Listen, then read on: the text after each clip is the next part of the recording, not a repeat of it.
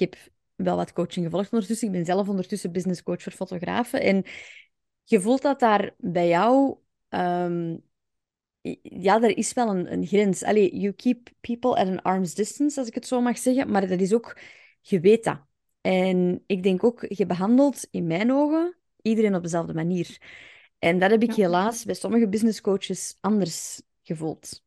Ehm, vanuit een meer opportunistisch, allee, op, opportunistisch standpunt. En bij u voel ik daar een duidelijke grens. Vind ik dat soms jammer, dat ik denk van... Amy, ik wil besties worden. Ja.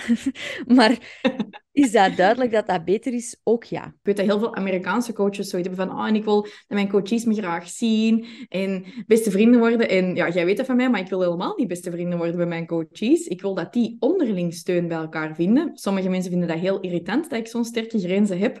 Maar ik doe dat omdat ik denk, je hebt er niks aan als je mij graag ziet. Ik wil net dat je verder kunt zonder mij. En dat gaat alleen maar als je een goede basis hebt rond u, in je omgeving, andere ondernemers. En als je die tools echt kunt gaan Mhm. allee, gebruiken in je leven. Dus ik, soms vinden mensen me even niet leuk. En dan denk ik zo, ik heb liever dat je me even niet leuk vindt, maar dat je Hmm. zelf je onafhankelijkheid bent aan het creëren, dan dat ik blijf zeggen van, allee, love you, dit en dat, allee, hier zijn wat ballonnen, je doet dat goed, hè? Nee, daar zijn mensen long-term niks mee. Ik denk dat dat korte termijn soms heel lastig is. Mensen voelen zich daar soms door gepikeerd. Ik volg bijvoorbeeld niet al mijn coaches op Instagram. Ik zeg dat ook altijd van in het begin. Ehm, en, dan, en ik had dat vroeger ook soms met een coach. En dan was ik zo, die volgen mij niet. Die Ja. don't care. Maar je volgen op Instagram heeft niks te maken met een goede coach zijn. Dus ik heb dat al heel rustig proberen uit te leggen. Maar ik weet dat dat vaak hoort bij het groeiproces. Dat ik bijvoorbeeld zeg van, ik ben een goede coach. En binnen wat wij doen. En ik support mijn team zodat wij u goed kunnen supporten. Ik bereid mij voor op vragen, op coaching calls, al die zaken. Maar ik zit niet heel de tijd uw stories te zien. Nee. Tenzij dat dat mijn aanbod zou zijn. Ik ben jouw Instagram story coach en ik kijk elke dag naar je stories. Maar dat is niet mijn aanbod. Soms Nee. zal dat passeren dat ik mensen hun stories wel zie, maar dan is dat eerder toevallig dan dat dat mijn opzet is. Want ik kijk eigenlijk heel weinig content van andere mensen. Tenzij dat het echt een audit is of zo. Ik produceer vooral content.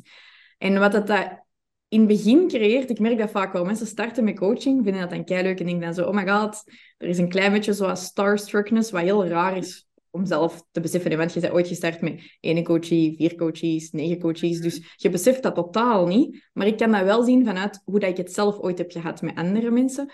En dan hebben mensen zoiets van, oeh, die volgt mij niet. Maar nogmaals, ja, dan probeer ik dat ook uit te leggen van, daar gaat het niet om. Het gaat er eigenlijk om dat jij net verder kunt zonder mij. Want dan Mhm. pas is mijn job als coach echt goed gelukt. Dat dat ook helemaal niet meer uitmaakt. En ik heb ook gewoon geleerd dat in een coachingrelatie, you're not the hero, you're the mentor. En na verloop van tijd verdwijnt je van het toneel.